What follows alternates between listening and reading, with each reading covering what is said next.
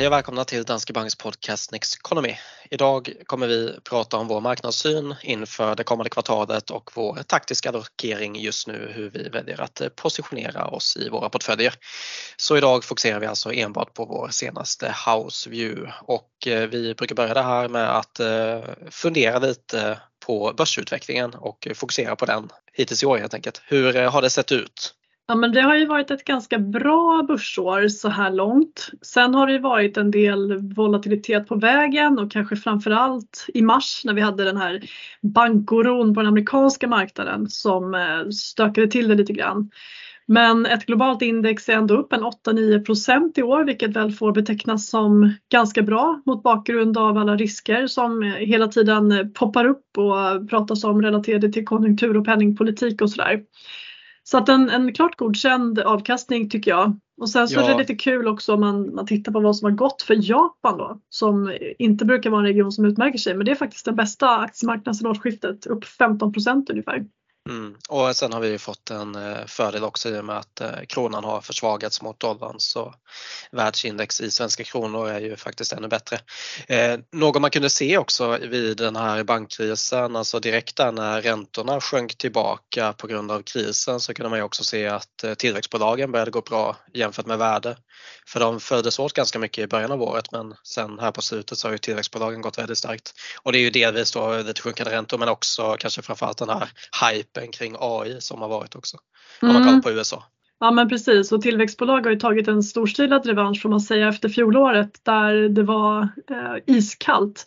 Så i USA så har vi Nasdaq-index då som är ett tekniktunga indexet och det är upp 25% i år.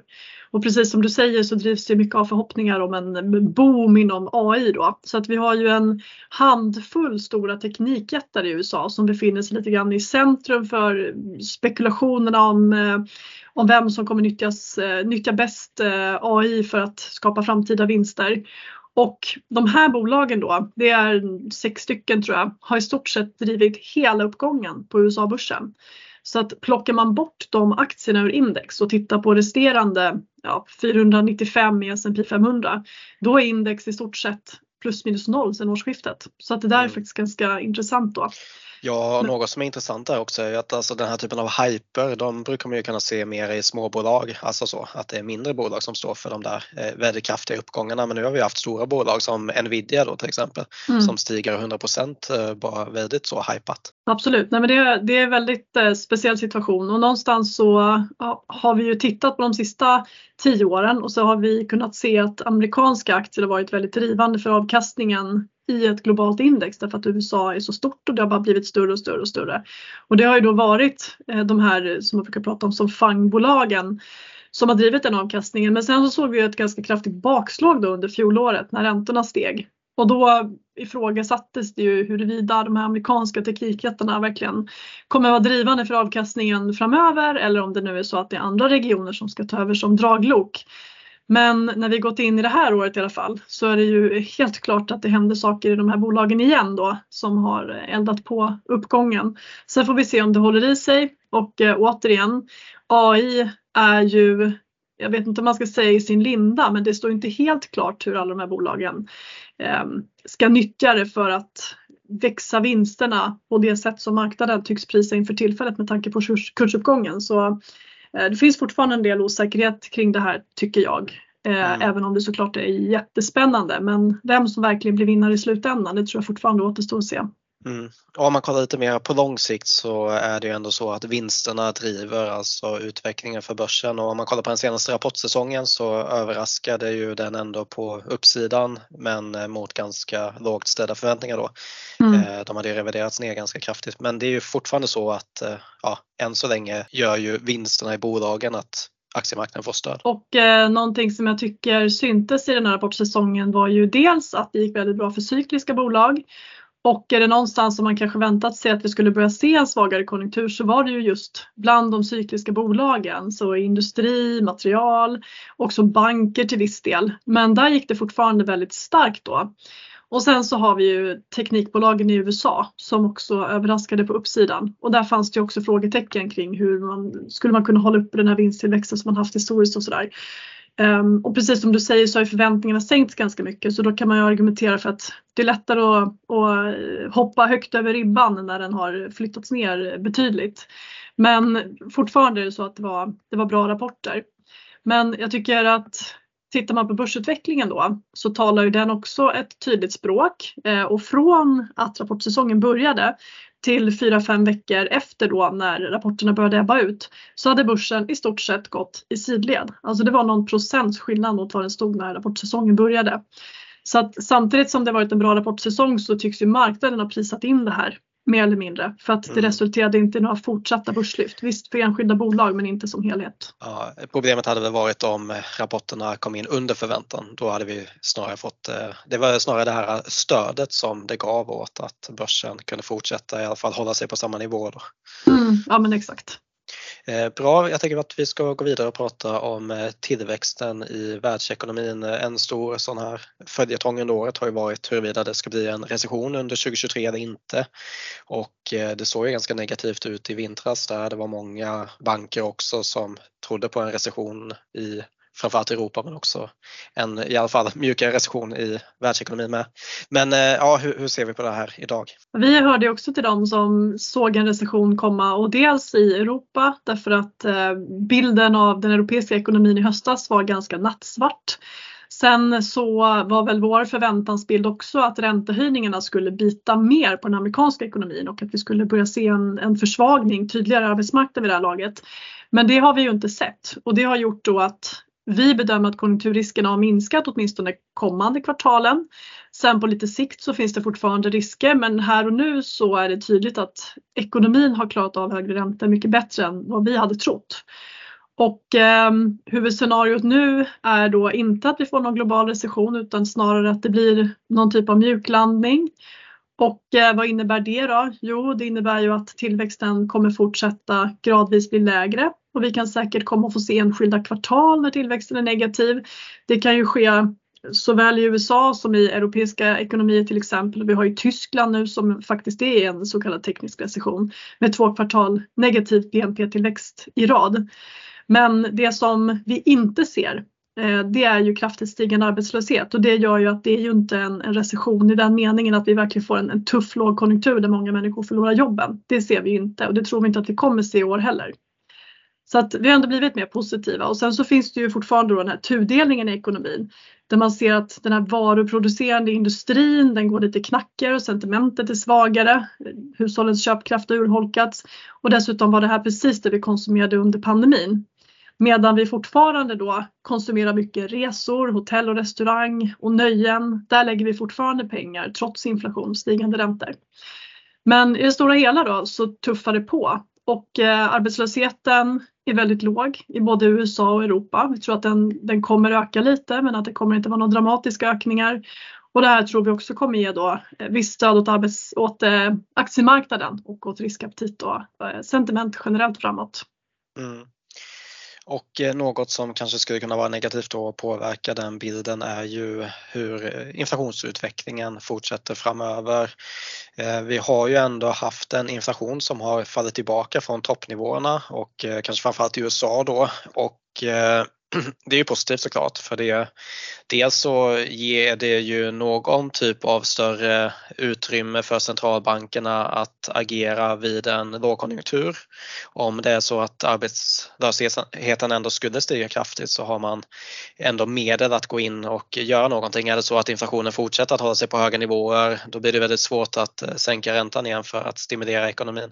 Så eh, ja, det, det är ju positivt i alla fall. Men eh, om man kollar härifrån och framåt då är det så att inflationen kommer ner i USA till 2% inom kort eller hur ser det ut? Och hur ser det ut i Europa och Sverige? Där har vi faktiskt, det är ju frågan fortfarande kanske om den ens har toppat även om det ser ut så. Ja och eh, inflation eh, är ju fortfarande en viktig eh, styrande parameter för marknaden men samtidigt så tror vi ju att i takt med att inflationen faller tillbaka, vilket vi väntar oss att den gör, så kommer den att bli lite mindre viktig och fokus kommer riktas mer mot konjunkturdata. Då. Men här och nu så ser det i alla fall tydligt ut att inflationen inklusive energipriser har toppat och det gäller ju både i USA där den toppade tidigare men också sannolikt då i, i både Sverige och resten av Europa. Och energipriserna som sagt, de har kommit ner kraftigt och gaspriserna är tillbaka på samma nivå de var 2021. Så att det är en, ehm, ett kraftigt nedställ där som bidrar till att inflationen sjunker. Men samtidigt så ser vi då att den underliggande inflationen, kärninflationen och inflationen i tjänstepriser, den är fortfarande högre. I USA har den, har den också toppat och tydligt vänt ner, eh, även om det inte går lika fort neråt som det gjorde för den här headline-inflationen där man tar med energipriser. Och i Sverige och euroområdet då? Ja, vi har ju haft en topp och sen fått någon siffra som har varit lite lägre när det gäller kärninflationen. Men vi befinner oss ju fortfarande nära inflationstoppen när vi tittar på den här underliggande inflationen. Och mm. Jag tror att vi behöver se ändå tydligt att den fortsätter ner eh, mer än vad den har gjort innan vi säkert kan säga att den underliggande inflationen har toppat och man ska ju inte utesluta att vi får bakslag.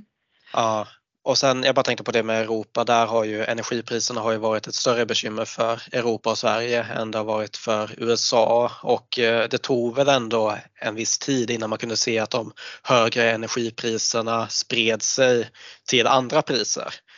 Och det bör ju vara så på vägen tillbaka också. Alltså om då energipriserna har sjunkit ganska kraftigt nu så har det ju ändå satt sig kanske i företagen vilket gör att det kommer ta ett tag innan vi får ner inflationen, den underliggande inflationen som också redan har påverkats av de högre energipriserna. Eh, är det ett eh, hyfsat argument eller vad tror du? Eh, ja, men eh, absolut är det så att det tar tid innan det fortplantar sig i ekonomin. Ehm, sen så tror jag att det stora bekymret nu är ju snarare tjänstepriserna. Och där handlar det ju inte så mycket, eh, eller inte bara i alla fall om, om hur energipriserna ser ut utan också om att efterfrågan på tjänster är väldigt hög. Medan efterfrågan på vissa typer av varor är lägre så att där efterfrågan och utbud är också viktiga drivande faktorer och inte bara eh, chocker på energimarknaden. Och kollar vi då på vissa typer av varor så kan vi faktiskt se också att priserna har börjat falla tillbaka och för svensk del så sjönk matpriserna till exempel i månadstakt senast som vi fick data då. Så att där ser vi att, eh, att pristrycket avtar. Men sen är det som sagt eh, som tjänstepriser och just att tjänstesektorn går så starkt att det här fortfarande är någonting som vi lägger pengar på. Det gör ju att inflationen blir högre. Eh, och sen så kan vi bara beröra avslutningsvis kanske på inflationsdelen här att ehm, en viktig parameter är också löneökningarna. Och här får vi lite ny statistik i slutet av den här veckan från, amerikansk, från den amerikanska ekonomin över löneökningarna i Ehm, maj. Men så länge löneökningarna är så pass höga som de är nu och i USA så ligger de ju på mellan 4 och 5 procent i årstakt så finns ju en risk att inflationen fastnar lite grann kring den nivån så att den har vänt ner fort från de här högsta topparna och det kanske den gör här också. Men så länge vi har löneökningar som är för höga så finns det risk att inflationen också biter sig fast lite grann där. Så att mm. den typen av bakslag går inte att utesluta. Det måste inte handla om att inflationen rusar uppåt igen utan bara att den visar sig trög kan vara ett problem. Ja, och sen eh, så ser ju som vi är inne på då, inflationen ser ju lite olika ut i USA jämfört med Europa och Sverige, alltså mer energidrivet i Europa och Sverige och också att vi har ju inte samma problem med löneinflation, särskilt i Sverige då med tanke på att ja, vi har, ett ganska, en, har fått en ganska återhållsam avtalsrörelse då med ganska låga löneökningar de kommande två åren. Så eh, ja, det finns väl större hopp om det i Sverige att det kan gå ner snabbare kanske då än i USA om man tänker på just eh, löneinflationen, att den håller sig på lägre nivåer i alla fall. Ja men möjligen. Sen i våra prognoser ligger att vi ska ner mot 2% för svensk och amerikansk del under nästa år medan det då i Europa faktiskt väntas gå trögare. Så att här tror mm. vi inte att inflationen är tillbaka kring 2% förrän 2025. Och det handlar ju bland annat om löneavtalen som har varit generösare i de stora europeiska länderna än vad de varit i Sverige. Mm. Så det väntas ju att det blir tuffare för ECB att, eh, att pressa ner inflationen mot målet. Ja. Och om vi då går över till just centralbankerna då har vi alltså Fed som eh, ju har höjt eh, ganska nyligen förhoppningsvis då kanske om man vill vara lite positiv mot eh, konsumenter, företag och börsen för sista gången då. Men det kan ju vara så att det kommer en ny höjning, det får vi se. Men vi börjar ändå närma oss den här räntetoppen vilket har varit positivt för marknaden. Hur, hur ser det ut här framöver? Ja, just vad gäller Fed så har ju både vi och marknaden trott att Fed ska befinna sig i pausläge men faktum är att räntemarknaden nu börjar ju prisa in då att man kommer höja räntan igen antingen i mötet eh, i juni eller vid mötet som är i slutet av juli. Sen får vi se hur data kommer in. Vi hinner ju få lite mer information eh, innan vi är framme där. Men det som ligger till grund för det är ju att makrodata har fortsatt komma in väldigt starkt för amerikansk del. Arbetsmarknaden är fortfarande stark och sen så fick vi lite inflationssiffror och då var det här PCE-inflationen som Fed tittar på för att den bäst anses spegla hur eh, prisökningarna ser ut på en, en varukorg eh, för, för konsumenter då. Och eh, den kom in högre än väntat senast och eh, det där har gjort att man börjar prisa in att Fed kanske ändå inte är klara och tillsammans då också med uttalanden från vissa Fed-ledamöter. Så att kanske en räntehöjning till men det får vi se. Sen för svensk och europeisk del så blir det nog lite mer än så. ECB tror vi höjer till 4% så småningom, att man når dit under hösten. Och eh, samma sak för Riksbanken så vi tror fortfarande på två höjningar till. En i juni och en i september så att vi, vi får en räntetopp på 4 mm. Sen eh, vad gäller räntesänkningar då, ett tag så prisades det in att räntorna skulle börja sänkas redan under hösten och då sänkas ganska kraftigt. Men den prissättningen har ju mer, alltså det har mer eller mindre prisats ut. Så att nu tror man kanske snarare på räntesänkningar under nästa år och det har varit vår prognos hela tiden att det kommer dröja. Man sänker inte under 2023 för inflationen är för hög. Men under 2024 så tror vi att både Fed och Riksbanken och så småningom även ECB, fast senare under året då, börjar sänka räntan. Men när man väl inleder den processen så är det ju inte så att man siktar tillbaka ner mot noll eller ens en nivå nära noll utan då är det en neutral ränta man siktar mot. Och då kanske beroende på region vi pratar om en ränta som ligger mellan 2 och 3,5 procent något sånt där. Så att vi kommer inte tillbaka till den här drömmiljön som vi befunnit oss i med hög tillväxt, låg inflation och superlåga räntor. Inte, I alla fall inte inom en överskådlig framtid. Mm. Bra, vi ska gå vidare till vår taktiska allokering där vi fortsätter att vara neutrala i aktier kontra obligationer. Och eh, ja, den här allokeringen, bakgrunden till den har vi precis gått igenom då men det finns en del risker fortfarande. Det är inte dags att ta upp aktierisken än. Eh, när är det det? Ja, det får vi väl lite grann se framåt här men vi tycker ju att en mjuklandning ser ut som det mest sannolika eh, scenariot framåt.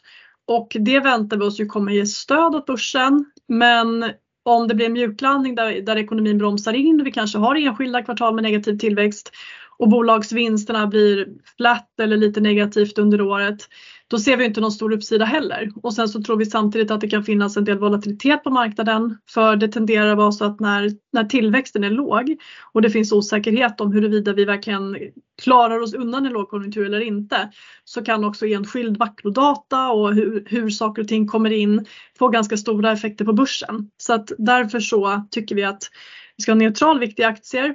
Man eh, ska vara medveten om riskerna och ha så mycket aktier i portföljen som är passande givet investeringshorisont och, och riskaptit, så varken mer eller mindre. Mm. Sen, sen har det ju också... Alltså en fördel nu då, jag menar när man ska ta aktierisk så ska man ju få betalt för den risken och som man ser idag då, med tanke på att vi har fått eh, högre räntor så har vi faktiskt ett alternativ i räntebenet så om du ska ta aktierisk och inte får tillräckligt betalt för det jämfört med att då ta eh, ja, risk i räntedelen av portföljen så det är också ett argument till varför man kanske inte då behöver ta aktierisk på samma sätt som man kanske gjorde tidigare när räntorna var så låga. Mm, ja men exakt och det är ju liksom det andra argumentet då att räntebärande också ser mer attraktivt ut än det gjort på mer än ett decennium. Mm. Så att högre räntenivåer idag och eh, att inte uppsidan i räntorna längre är så stor utan att de sannolikt är nära toppen talar för att avkastningen i räntebenet kan bli ganska fin framåt. Eh, även jämfört med den avkastning som börsen kan erbjuda den närmsta tiden. Och då till en betydligt lägre risk. Så mm. har man varit en av alla dem då som kanske tyckte att aktier framstått som väldigt mycket mer attraktivt än räntebärande under många år så är det här ett rätt bra tillfälle att se över den balansen lite grann och titta på att faktiskt ta in en del räntebärande också. Dels för att avkastningen är bättre men också för att man får den här stötdämpande effekten ifall att det skulle vara så att det börjar se sämre ut framåt och vi får perioder med hög volatilitet så kommer det där dämpa eh, svängningarna. Då. Så att mm. neutral vikt i aktier och obligationer. Och i hela portföljen både på aktie och räntedelen så fokuserar vi på kvalitet. Vi vill alltså ha en typ av bolag och en typ av obligationer som kan klara sig igenom en svagare konjunktur. Och eh, om man då kollar på aktiesidan, kvalitetsbolag, vad pratar vi om då? men då handlar det om bolag med starka balansräkningar, det vill säga man ska inte vara så högt skuldsatt så man blir eh, kraftigt påverkad av stigande räntor.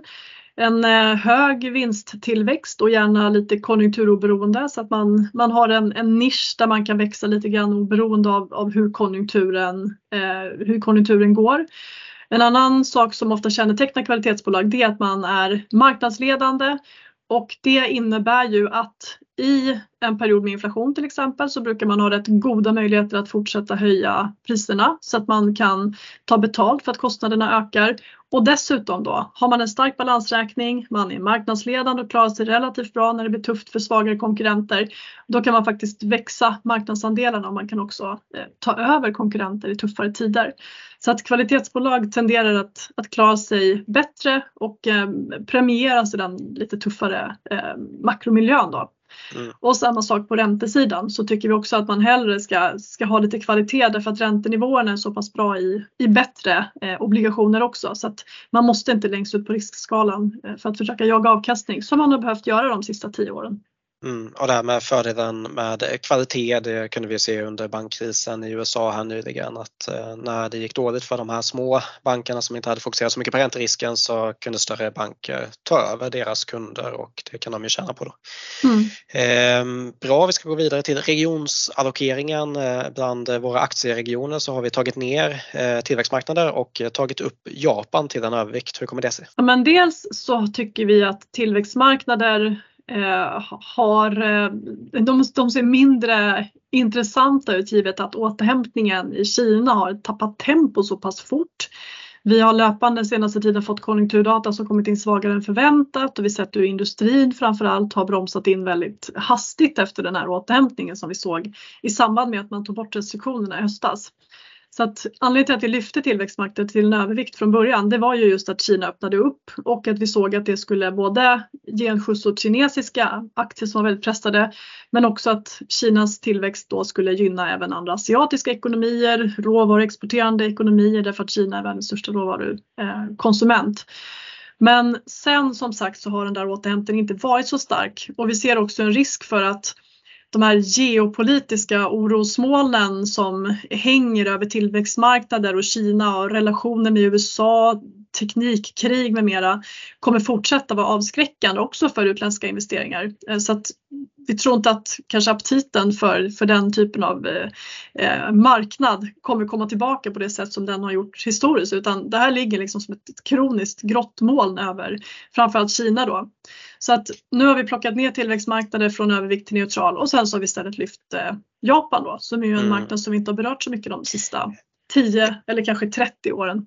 Jag bara tänkte på den där geopolitiska risken där i Kina. Det kom ju upp ganska mycket i samband med Ryssland och Ukraina. Alltså någon risk för att Kina inte är investerbart överhuvudtaget. Alltså att man får samma typ av händelse eller situation som man hade på den ryska börsen och det är ju såklart något som man vill undvika som en stor kapitalförvaltare. Så eh, absolut, det finns ju den typen av risker. Då.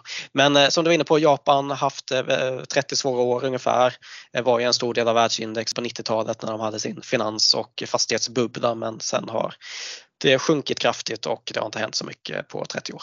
Nej, men nu ser det faktiskt ut som det kan vara en del intressanta saker på gång. Och eh, under de här 30 åren så har ju tillväxten i ekonomin varit svag och man har dessutom haft perioder där man då fightats med deflation.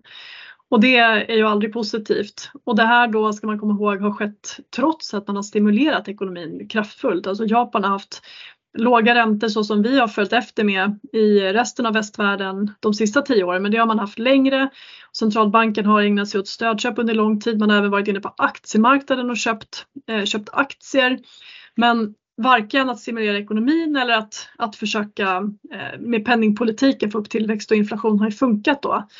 Men det som har hänt under den här perioden det är ju att när japanska företag och konsumenter har tappat tron på tillväxt. Det har inte lönat sig att investera i aktier för att börsen har inte stigit. Det har inte lönat sig att som företag göra investeringar i ökad produktion och tillväxt därför att det finns ingen tillväxt och konsumenterna sparar bara pengar. Då har det gjort att tillväxten har stagnerat. Men nu så ser vi faktiskt att vi har viss positiv tillväxt i Japan och inflationen har kommit upp från de här kroniskt låga nivåer som den har varit på och lönerna stiger. Så att vi ser lite livstecken i ekonomin. Och jämför man då med USA och Europa till exempel så är ju inflation och löneökningar det är någonting som vi pratar om som ett problem och någonting som är oroande. Men i Japan så är det snarare ett, ett sundhetstecken och dessutom då så är varken inflationen eller löneökningarna så stora som det är i USA och, eh, och i Europa. Och den inflation som man har det är främst en, en importerad inflation så att man har inte samma problem med hög inhemsk efterfrågan och inflation som vi har eh, i resten av västvärlden. Det här gör ju också då att penningpolitiken som stramas åt blir motvind i, i, ehm, här på hemmaplan och i USA. Den förväntas stramas åt i små, små steg men fortfarande vara väldigt expansiv jämfört med hur det ser ut i resten av västvärlden. Då. Så att en, en mer eh, gynnsam ekonomisk utveckling och dessutom om man tittar på aktiemarknaden så är ju den lågt värderad. Vinsttillväxten väntas faktiskt bli rätt god under året och dessutom så kan vi se att japanska bolag då som som sagt har suttit och hållit på de här stora kassorna, man har inte investerat, man har inte delat ut. De har börjat bli lite mer aktieägarfokuserade och eh, man delar ut mer pengar, man har också börjat göra återköp för att öka avkastningen för befintliga aktieägare. Så att sammantaget så tycker vi faktiskt att Japan har lite annorlunda förutsättningar både jämfört med resten av västvärlden och förstås jämfört med tillväxtmarknader. Så att vi tycker att Japan är rätt intressant att titta på. Och du mm. var inne på det i början men Japan utgjorde en gång i tiden 30% av ett globalt index. Idag är det ganska precis 6% Men många har ingen Japan i portföljen överhuvudtaget därför att marknaden varit så otroligt eh, trög. Det har inte hänt någonting på så länge så att ointresset har varit stort. Men nu tycker vi att man ska titta på att ta in lite Japan i portföljen, åtminstone motsvarande de här 6 procenten. Eller mer då, mm. vi har en övervikt som sagt. 1990 eh, står faktiskt Japan för hela 45 procent av eh, börsvärdet globalt så det var väldigt stort och USA var på 33 procent då. Mm. Eh, så det, ja, det har ju förändrats ganska kraftigt men det är också därför vi tycker att man ska ha en global portfölj där man utgår från ett marknadsviktat världsindex. De här typen av skiften kan komma även i framtiden. Det som har sett ut på ett visst sätt historiskt behöver inte vara samma. Har man då ett marknadsviktat världsindex som utgångspunkt så kommer man ju följa med i nya skiften.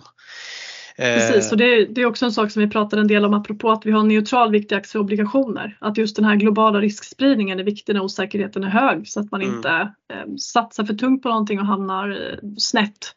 Och sen får man ju också en kudde i svenska kronan som sagt och det där kan ju slå åt båda hållen men nu har det ju faktiskt gjort att världsindex är på all time high mätt i svenska kronor så har du haft den här globala diversifieringen så har du faktiskt haft en, en väldigt fin utveckling både under 2022 när börserna föll men också i år. Mm. Bra, vi ska gå vidare och prata om räntebenet. Du var inne på det tidigare. Vi fokuserar på kvalitet där också så vi har alltså svenska räntefonder i form av mycket stats och bostadsobligationer och även en del företagsobligationer med hög kreditvärdighet men där är det fokus på stats och bostadsobligationer och sen så har vi då på globala eh, företagsobligationer så är det ju investment grade vi fokuserar på, alltså de de eh, obligationerna med högre kreditvärdighet inom företagsobligationer. Mm. Och svenska obligationsfonder har ju blivit betydligt mer attraktiva faktiskt tack vare att Riksbanken har höjt räntan. Och tittar man på räntenivåerna i ett svenskt obligationsindex så ligger de på drygt 3 och i praktiken så kan fonder ha löpande räntenivåer på mellan 4 och 5 därför att man också har lite krediter till exempel. Så svenska räntefonder, obligationsfonder är eh, attraktiva tycker vi. Dels den här höga löpande avkastningen men också om man blickar framåt så tror vi att riktningen på räntorna, i närtid kan de stiga lite till på grund av räntehöjningarna men på lite sikt så tror vi att riktningen på räntemarknaden är neråt och det innebär stigande mm. obligationskurser så att det kan också ge ett, ett bidrag till avkastningen här framöver. Då. Ja, och det var ju som vi var inne på, svagare konjunktur och en lägre inflation under nästa år borde ju göra att långräntorna kommer ner eh, i Sverige också. Mm, absolut. Och sen som sagt kvalitet eh, fokuserar vi på även inom räntebenet och då är det ju dels obligationsfonder men sen också om vi tar på kreditsidan så gillar vi investment grade så där har vi en övervikt och det är då företagsobligationer med hög kreditkvalitet Eh, så att bolagen där också har ju då som starka balansräkningar, bör klara en miljö där tillväxten mattas av och räntorna är höga bättre än high yield som vi har en dubbel undervikt i för tillfället. Så att i våra strategier så har vi inte high yield överhuvudtaget. Och visst, räntenivåerna är lite högre i investment grade, men risken är också högre. Och det är ju inom det här segmentet man kan se att företag då med svag kreditvärdighet får svårare att omfinansiera sig när räntorna går upp.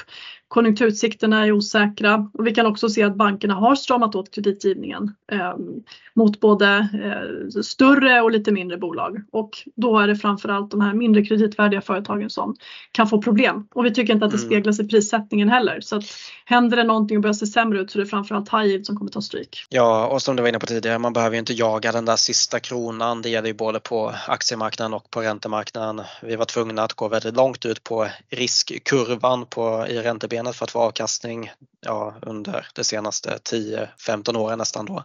Men eh, nu behöver man inte det så då behöver man kanske inte jaga för den där sista procentenheten i ökad räntenivå genom att då gå i high yield istället för IG.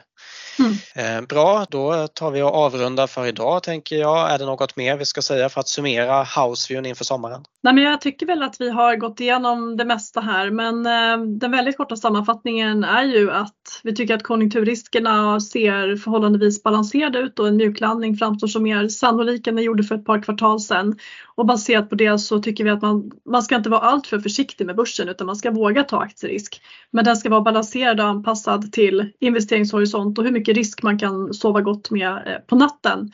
Och sen som sagt alternativet är inte så pjåkigt heller. Så att har man mycket aktier, man är lite orolig, titta på räntebärande för att det finns intressanta möjligheter där också mot bakgrund av högre ränteläge. Mm. Och ett eh, nytt avsnitt kommer om två veckor igen. Då kommer vi fokusera på investeringsfilosofin och sen efter det har vi ett sista avsnitt innan sommaren där vi kommer följa upp Houseview kan man väl säga lite för vi kommer prata om vad som är viktigt att tänka på inför sommaren. Så eh, får ni gärna ställa frågor i frågeformuläret som vanligt och eh, komma med förslag på nya ämnen som vi ska ta upp och eh, gärna följa oss på Twitter och så ska ni gå in på nexteconomy.se också. Det är vår nyhetssajt och där hittar ni både filmer, poddar, krönikor om eh, marknadssyn, marknadsläge och investeringsfilosofi. Så nexteconomy.se. Med det så tackar vi för den här veckan och så hörs vi igen nästa gång. Tack, ha en fin vecka.